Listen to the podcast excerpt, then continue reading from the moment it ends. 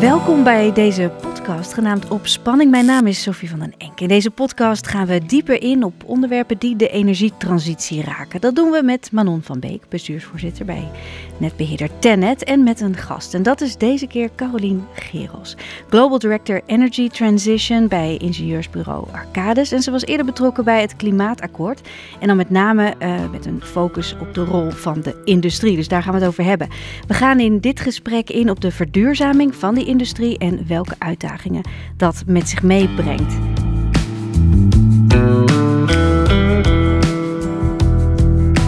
Nou, fijn dat jullie er zijn, uh, dames. Um, om met jou te beginnen, Manon. Jij bent bestuursvoorzitter bij Tennet, landelijke beheerder van ons hoogspanningsnet.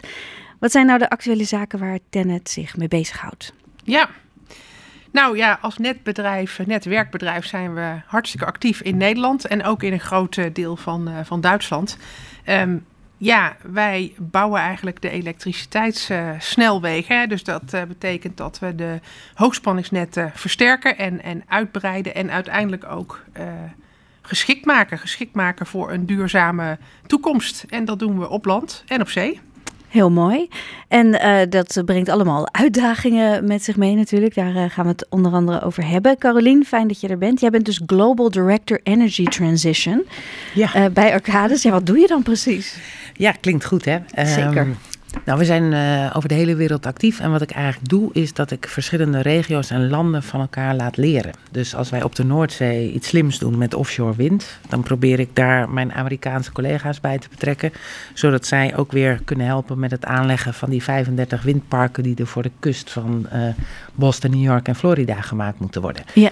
Dus op die manier probeer ik eigenlijk te versnellen dat we met elkaar en van elkaar leren op het gebied van energietransitie. En dat moet ook, want de hele wereld heeft natuurlijk een waanzinnige opgave. Ja, vandaar ook die uh, toevoeging global. Zeker. Uh, aan, je, aan je titel. Ja, en je ziet toch dat we all over the world nu uh, dezelfde doelen krijgen. Dat ligt natuurlijk aan goede activiteiten als het uh, Parijsakkoord, het Klimaatakkoord. we moeten allemaal naar net zero. En we staan dus allemaal gesteld voor vergelijkbare opgaves. Maar daarin zijn natuurlijk de geografische en ook de klimatologische situaties anders. En dat maakt dat je zo goed van elkaar kunt leren. Ja, dus je hebt een, een focus eigenlijk op de hele wereld. Maar je bent hier in Nederland ook betrokken geweest bij het Klimaatakkoord. Dat zijn natuurlijk de plannen die we hier in Nederland maken. Ik kwam eigenlijk net na het klimaatakkoord. Dat werd gesloten in 2019. En een van de acties die daarin stond was dat er duidelijk moest worden welke infrastructuur er nodig was om de industrie in Nederland in staat te stellen te verduurzamen. Ja. He, dus wat heeft Tata wat nodig, wat heeft Dow nodig, wat hebben de bedrijven in Noord-Nederland en in Limburg nodig om straks uh, ja, CO2-vrij te kunnen produceren. Ja. En daar ben ik mee begonnen uh, net nadat het klimaatakkoord gesloten was.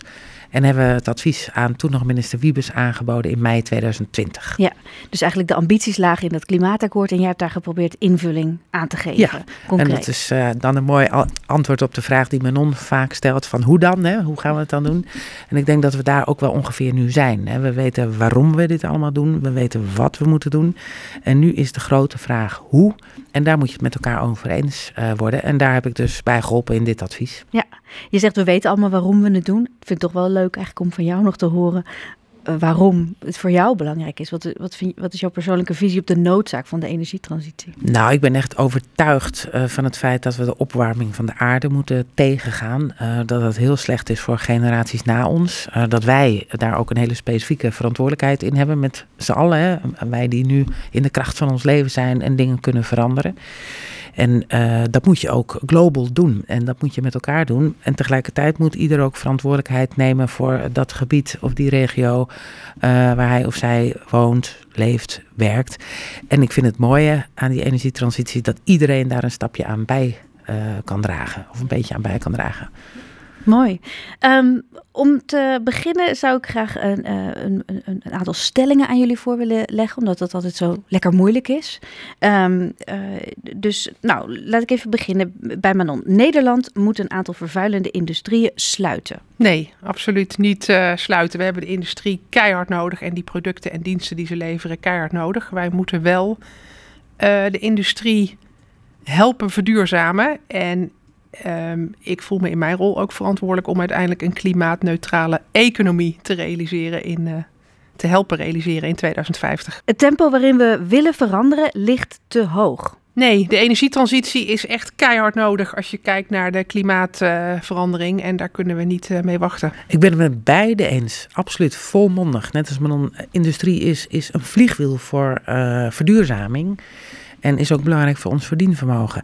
En wat mensen vaak vergeten is dat we bijvoorbeeld zoiets als staal of chemische producten of uh, plastics elke dag nodig hebben. de fiets waar je op rijdt, de stoel waar je op zit, uh, bestaan allemaal uit staal. En we hebben in coronatijd geleerd dat je ook moet zorgen dat je de spullen die je dagelijks nodig hebt ook een beetje in de buurt maakt. Ja. dus er zit ook nog een geopolitiek aspect aan.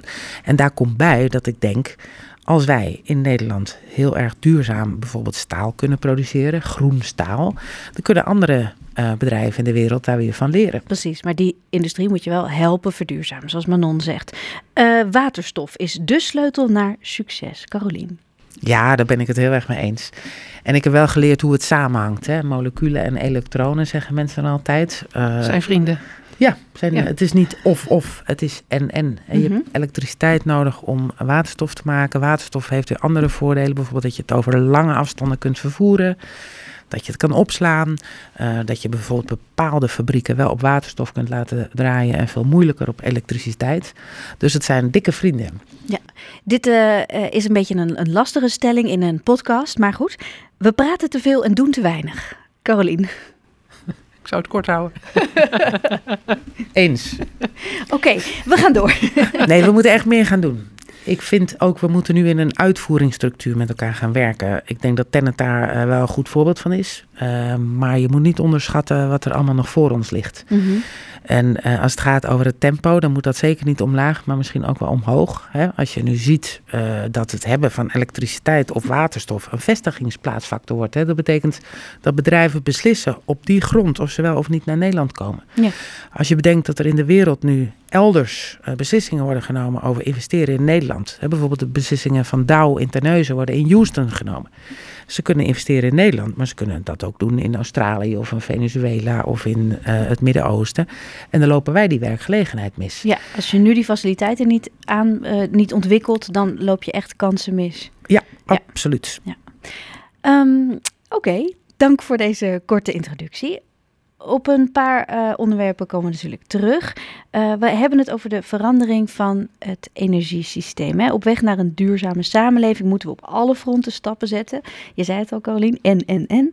Uh, om, maar vooral ook afstappen van die fossiele brandstoffen. Dan denk je aan elektrisch vervoer, aardgasloze huizen. Ook de industrie in Nederland speelt in deze transitie een grote rol. Hoe belangrijk is de rol van de industrie in deze transitie? De industrie is belangrijk, maar wat kunnen ze nou doen in die transitie? Nou ja, ik zei al, het is een vliegwiel. De industrie heeft zoveel massa en schaal en volume. Het is een derde van alle CO2-uitstoot. Uh, eh, als je die vermijdt, ben je een hele uh, mooie stap uh, voorwaarts gekomen. het zijn in feite 12 tot 15 bedrijven die daar weer het meeste van doen. Hè. Dus ik zeg altijd grote vissen eerst. Mm -hmm. dat kan je dus heel goed doen met de industrie.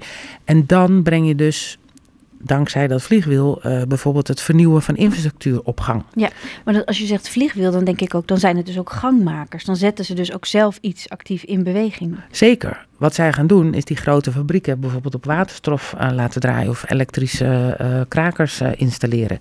En dan breng je daar die slagaders van netwerken naartoe. En dan kunnen burgers in de, in de gebouwde omgeving van profiteren. Daar kan de mobiliteitssector van profiteren. Dat je dan ook de elektriciteit hebt om elektrisch te rijden. De landbouw kan ervan profiteren. Misschien kan je je kassen en je tuinbouw ook wel met waterstof tot stand laten komen. -hmm. Dus die industrie maakt dat je die slagaders rendabel krijgt, waardoor die hele beweging van een groene nieuwe energievoorziening op gang komt. Zijn er al hoopgevende voorbeelden van? Te, te noemen. Gebeurt dat al? Nou ja, ik vind de discussie rond Tata heel hoopgevend. Ik vind het heel hoopgevend dat Tata heeft gezegd... nou, dan maken we in één keer die stap uh, naar op waterstof. Uh, dan zijn we ook af van die gezondheidsklachten uit de buurt. Dat vind ik heel hoopgevend. En verder vind ik het heel hoopgevend dat de hele industrie eigenlijk haar plannen heeft klaar liggen. En die zitten eigenlijk allemaal te wachten tot uh, minister Jette nu langskomt. Of ja. mevrouw... Um, Mickey Adriaanse van Industrie en Innovatie om contracten te sluiten. En want die bedrijven gaan miljarden investeren, de plannen liggen klaar, maar dan moet de overheid natuurlijk zeggen: oké, dan zorgen we er ook voor eh, dat er die leidingen en buizen en pijpen er liggen die jullie nodig hebben. Ik zeg natuurlijk ook vaak: wij willen in de energietransitie als Tenet uh, de backbone zijn van de energietransitie en, en niet een, een bottleneck. En voor ons is het dus weer ongelooflijk belangrijk om de horizon eigenlijk zo ver mogelijk in de tijd concreet te hebben. Hè? Jij had het over hoe en ik zeg inderdaad vaak hashtag wat dan, wanneer dan en, en waar dan. En dat, dat is voor ons uh, belangrijk. Hè? Het aanpassen, het aanleggen van hoogspanningsleidingen of, of kabels, verbindingen neemt gewoon heel veel tijd in beslag. Dat moeten wij ontzettend uh, zorgvuldig doen. En um, wij hebben dus ook concrete inzichten nodig van uh, waar de industrie uh, behoefte heeft aan elektriciteit. En dan kunnen wij daar uh, op inspelen. Maar ik moet dus wel weten, ja, waar, wanneer, wat. Ja, ja precies. Zodat je dat kan invullen, die kaart. Helpt dan daarbij zo'n klimaatakkoord en nu weer een nieuw regeerakkoord. Zodat je weet, ja, oké, er zijn concrete afspraken gemaakt. Op welke manier kan Tennet die dan aangrijpen? Ja, zeker. Wij zijn zelf ook nauw betrokken geweest hè, bij uh, de uitwerking van het klimaatakkoord en dus ook voor wat betreft uh, de industrie. Ik denk. Um, er is natuurlijk uh, heel veel extra duurzame energie nodig om enerzijds de industrie te vergroenen. Uh, wij kijken natuurlijk ook naar hoe we al die nieuwe windparken op zee kunnen, kunnen aansluiten om aan die extra vraag straks uh, te kunnen voldoen. Dat is een super uh, ambitieus programma. Um, ja, verder zitten wij ook in de business dat we de investeringsplannen voor de komende tien jaar eigenlijk al in zicht hebben. Daar hebben we ook diverse projecten, ook voor de industrie en om straks eigenlijk extra capaciteit naar industrieclusters te brengen, mm -hmm. al in, in opgenomen. Ja. Um, en we moeten natuurlijk nu met de nog ambitieuzere plannen. Ja, uh, elke keer gaat het ook over van kunnen we met elkaar dan even opnieuw terug naar de tekentafel en dan uh, de juiste prioriteit uh, stellen. Maar dan gaat het niet over ja, nu tot 2030 ook. Maar ik zei ook, ja, ik, ik had het laatst met Caroline ook over. Ja, we moeten ons ook niet blind staren op 2030. Um, want de wereld vergaat niet in 2030. En het is dus heel belangrijk dat we langer termijn, uh, dus ook de periode 2030-40 met elkaar al concreet gaan invullen, nu al. Mm, 2030 is eigenlijk morgen. Je wil nog je wil verder denken. Ja. ja het is morgen. En mijn COO zegt dan uh, nee, het is uh, gisteren. Ja, ja, precies. Omdat het natuurlijk zo'n ingewikkeld uh, samenspel eigenlijk is hè, tussen de netbedrijven en de industrie. Is dat ook de reden dat er een speciale taskforce is opgericht? Ja, die nu alweer het werk gedaan heeft. Hè. Dat was die taskforce waarvan ik zei, we hebben dat advies aan minister Wiebes gegeven. Precies. Het kabinet heeft het toen omarmd en overgenomen. En dat is nu uh, uitgewerkt in verschillende investeringsplannen. Jullie hebben dingen meegenomen. Er is nu een programma dat heet Infrastructuur Duurzame Industrie. Ja. Die gaan ook kijken hoe je die belangrijke infrastructuur voor de industrie versneld aan kan leggen. Maar wat daarbij hoort is dat inderdaad de industrie ook gaat investeren. En daarom wordt er nu ook veel over maatwerk gesproken. Ja.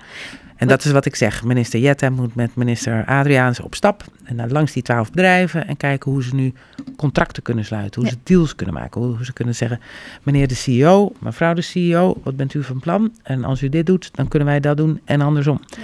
En ik vind dat het soms uh, te ingewikkeld wordt gemaakt. Ik vind wel dat we het momentum, maar dat vind jij ook, maar dan uh, van het nieuwe kabinet moeten benutten. En uh, wat ik al zei, die grote industrie hebben hun plannen klaar. Die hebben vaak ook al uh, bijna investeringsbeslissingen genomen. Dus het geld is er. Laten we dan zorgen dat die investeringen in Nederland gedaan worden. In plaats van wat ik al zei, Australië of Japan. Die gun ik het overigens ook. Hè. Maar ik denk hoe sneller wij hier verduurzamen, hoe beter het is voor onze gezondheid, voor onze economie, voor ja, uh, de opwarming van de Ze aarde. Ze mogen daar ook wel, maar wij eerst. Nou ja, wij ook. En wij zijn een innovatief landje. Hè. Wij moeten het ook hebben van slimme oplossingen. We hebben geen grote thuismarkten. Uh, we hebben wel een prima infrastructuur. Daarom hebben we ook zoveel industrie hè, met die havens. Mm -hmm. Dus onze uitgangspositie is heel goed.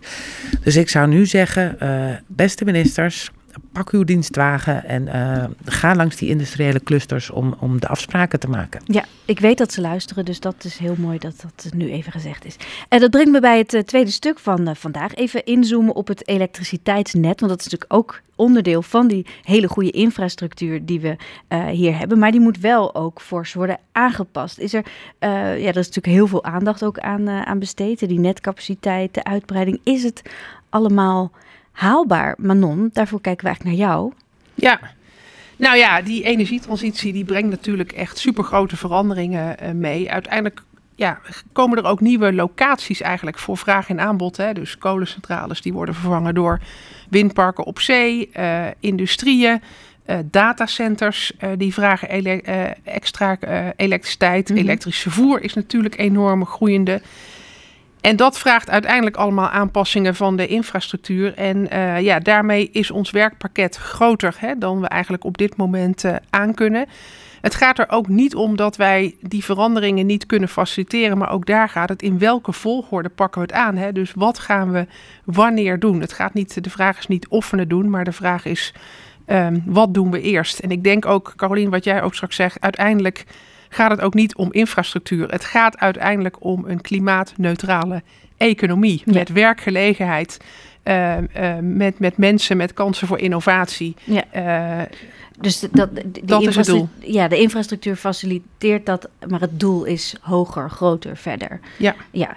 Um, maar goed, zo'n uitgebreid, uh, de uitbreiding van het uh, elektriciteitsnet is natuurlijk wel heel erg uh, belangrijk. Ja, en, en, wij zijn daar ook een aantal dingen aan het doen. Hè? Ja. Dus misschien als ik drie dingen mag noemen. Kijk, aan de ene kant, wij zijn ongelooflijk zelf aan het uitbreiden, zodat wij meer projecten kunnen realiseren. We verdubbelen ons bedrijf in, in omvang. En daar zijn we ook al hard naar op weg. We zijn de afgelopen twee jaar al 30% gegroeid in ons personeelsbestand, om maar iets te noemen. We zijn ook steeds meer aan het kijken met onze partners in de keten, dus met aannemers, naar hoe kunnen we samen slimmer, uh, efficiënter uh, werken? Hoe kunnen we veel meer standaardiseren? En hoe kan je bijvoorbeeld veldvervangingen op de hoogspanningsstations eigenlijk als een soort Lego-blokken vervangen? Nou, daar doe ik waarschijnlijk geen recht aan de, de techniek, maar hè, dus eigenlijk veel meer modulair bijvoorbeeld uh, veldvervangingen uh, doen. En wij kijken ook naar hoe we kunnen helpen om de procedures te versnellen. En daar vragen wij ook veel aandacht voor. Hè. Er zijn plekken in Nederland waar we, waar we nog steeds acht tot tien jaar bezig zijn om een locatie te vinden voor een nieuw schakelstation. Ja, dan is 2030 ja, wel gisteren. Als ja, nee, dus dat kan met de huidige snelheid van de energietransitie gewoon echt niet meer. Nee, nee, nee. Kunnen we dan toch optimistisch zijn, Caroline? Zeker, zeker. Want uh, Manon, ik ken jou ook als een heel innovatief denker. En ik denk dat jullie daar ook veel in investeren. En dat doen heel veel anderen ook. Ik was laatst bij TNO. En toen liet iemand mij zo'n klompje zout zien. En zei: Weet je wat het is? Ik zei: Een klompje zout. Nee, nee, dit is nu CO2. Ik zei: Oh, ik dacht dat het zwart was. Nee, het is wit. um, maar dat was een professor ook aan de TU Delft. En die legde dus uit: hè, al die C'tjes, al die O'tjes, al die H'tjes. Die kun je op een andere manier aan elkaar maken. Dus dat CO2-verhaal is ook een verhaal over grondstoffen. Ja. En misschien, de Noren willen al heel graag CO2 hebben. Komen we over een paar jaar wel tot, tot hele slimme uh, chemische uh, technieken, waardoor je CO2 kunt splitsen in C'tjes en O2. En dat is gewoon zuurstof. In ja. feite gebeurt dat in de natuur ook al. Dus daar zitten heel veel kansen. Ik denk inderdaad in het slimmer aanleggen van leidingen of in het uh, voorkomen van, het, van de noodzaak tot het aanleggen van leidingen, bijvoorbeeld om die CO2 uh, te vervoeren, zit nog heel veel kans. Ik ben ook wel heel benieuwd hoe jij denkt over een mobiel elektriciteitsnetwerk. Hè. Als je auto's hebt, die maken allemaal toch ook onderdeel weer uit van dat hele elektriciteitssysteem. Ja. Misschien kun je daar nog veel slimmer mee omgaan. Dat je die auto's ziet als een soort uh, rijdende batterijen die je Precies. ook weer kan terug laten leveren. Precies. Nee, dat zie je ook in de studies die we afgelopen jaar hebben gedaan. Hè? Dat, dat eigenlijk als je naar een klimaatneutraal 2050 wil, dan kan je helemaal rot rekenen aan een heleboel scenario's. Maar eigenlijk in elk scenario zie je dat de elektriciteitsnetten verdubbelen. Dat je waterstof backbone nodig hebt. Dat we CO2 zullen moeten gaan opslaan. En dat er uh, heel veel kansen liggen, maar ook benut moeten worden mm -hmm. voor flexibiliteit. En, en de hele Mobiliteit, ja, dat zijn uiteindelijk ook rondrijdende uh, batterijen en opslag speelt daar uh, ook een rol in. Ja. En dat zet op de schaal van Tenet met uh, een paar honderd auto's nog geen zo zoden aan de dijk. Maar als je dat allemaal optelt, ja, dan heb je, dat zijn uiteindelijk ook ja, nieuwe centrales van de toekomst, om ja. maar even zo te zeggen. Daarmee kan je uiteindelijk op grote schaal je net balanceren en de lampen aanhouden. Ja, je moet echt op, op alle vlakken, alle innovatiekracht, denkkracht, um, ja, materiële kracht die we in handen hebben benutten om, om dit allemaal voor elkaar te krijgen. Maar Carolien zei denk ik ook nog iets uh, ja, over, weet je, naast dat je opschaalt en slimmer samenwerkt en modulair denkt en, en standaardiseert. Om ook echt anders te gaan denken. Hè? Dus als je mhm. bijvoorbeeld kijkt, uh, ja, de, de Noordzee wordt eigenlijk ja, het nieuwe powerhouse van Noordwest-Europa. Daar moeten we duurzame elektronen uh, en misschien ook wel moleculen vandaan gaan, gaan halen. Um, ja, dan kunnen we niet meer bezig blijven om één op één windparken aan te sluiten. Dan moeten we ook steeds meer gaan denken in, in eilanden of hubs hè, die uh, verbonden zijn weer met andere landen en markten. Zodat als de zon niet schijnt of de wind niet waait, we de elektriciteit um, um, niet alleen aan land kunnen halen, dus, uh, maar ook landen en bronnen met elkaar uh, kunnen verbinden. We hadden het al even over waterstof, uh, groene waterstof, toch een soort van heilige graal eigenlijk. Ja, het, klinkt voor mij heel, heel magisch hoor en uh, nog redelijk ontastbaar wat dat dan precies is. Maar is het, wat is de rol van, van de waterstof als je naar de netaanpassingen kijkt? Ja, waterstof is ook een gas, net als aardgas. En uh, dat was voor mij echt een heel overtuigend verhaal waarom we in Nederland heel snel werk moeten maken van die backbone. Wij hebben al een waanzinnig mooi aardgasnetwerk. Ja, en dus het zal precies je daarvan gebruik maken. Niet ontgaan zijn dat dat minder moet, hè, aardgas. Ja. En daar kun je dus uh, in plaats van dat je door die pijpen aardgas uh, doet, kan je er waterstof doorheen laten gaan. En dat betekent dat je niet al die uh, trajecten open hoeft te halen om daar nieuwe pijpen en buizen en leidingen in te leggen. Dat betekent gewoon dat wat er is, dat je dat al kunt benutten. En dat geldt voor een deel ook voor uh, opslagfaciliteiten. Mm -hmm. Je kan waterstof of CO2 ook in zoutcavernes uh, stoppen. Of in die lege uh, gasvelden op de Noordzee. Kan, kun je het daarna verkopen aan de Noren. Um, maar zo kun je dus wat je al hebt weer opnieuw benutten. Misschien met een kleine aanpassing. En, en dat vind ik zo ontzettend aantrekkelijk. En dat klinkt allemaal heel ingewikkeld. Hè? Maar als je gewoon heel simpel naar die formules kijkt. Waterstof is gewoon H2. Hè? Dat zijn twee haartjes. Water is H2O. Als je dat splitst, dan heb je H2 en O2. Dus dan heb je zuurstof en waterstof. Dus als je die paar dingetjes leert, dan is het veel makkelijker om de rest ook te begrijpen. Want ik zal je eerlijk zeggen, voordat ik begon aan die taskforce, vond ik energietransitie altijd heel ingewikkeld. Maar als je een paar van die principes gewoon even goed bekijkt, dan is het eigenlijk helemaal niet zo heel erg ingewikkeld. En kan je er ook allemaal aan meedoen en kan je het allemaal begrijpen. Laten we het even hebben over de flexibiliteit. Want dit vraagt gewoon ongelooflijk veel van de wendbaarheid van iedereen. Maar het is, we snappen ook allemaal dat de noodzaak daarvoor heel erg uh, hoog is. We hoeven dus niet overal uit te breiden. We kunnen ook slimmer gebruik maken van wat er al is. Um, ja, kun je dat nog meer toelichten, Manon? Caroline heeft daar net iets over verteld. Ja, nee, ik, ik denk, uh, weet je, alleen met uh, kabels en stations van Tenet gaan we het niet redden. Hè? En zeker niet op de, de korte termijn. Dus je moet ook kijken, wat kunnen we slimmer doen? En we hadden het net over de mobiliteit, maar minstens zo interessant is flexibiliteit ook in de, in de industrie. Hè? Dus als de zon niet schijnt, als de wind niet waait in hoeverre kan de industrie, heeft die ook mogelijkheden in hun productieprocessen om daar flexibel op, op, op in te spelen? Hè? Door bijvoorbeeld meer af te nemen als er veel energie beschikbaar is en uh, wat minder te gebruiken als het even druk is op het net. Ja, is dat haalbaar voor de industrie? Ziet de industrie dat zitten? Ja, nou dat wordt eigenlijk ook al toegepast, uh, ook op dit moment al in de, in de praktijk. Hè. Dus wij hebben vanuit Tenet ook al met verschillende partijen contracten Um, ja, onze bedrijfsvoerders noemen dat uh, om tijdelijk op of af te regelen. Dat is dan meer bedrijfsjargon in het controlecenter.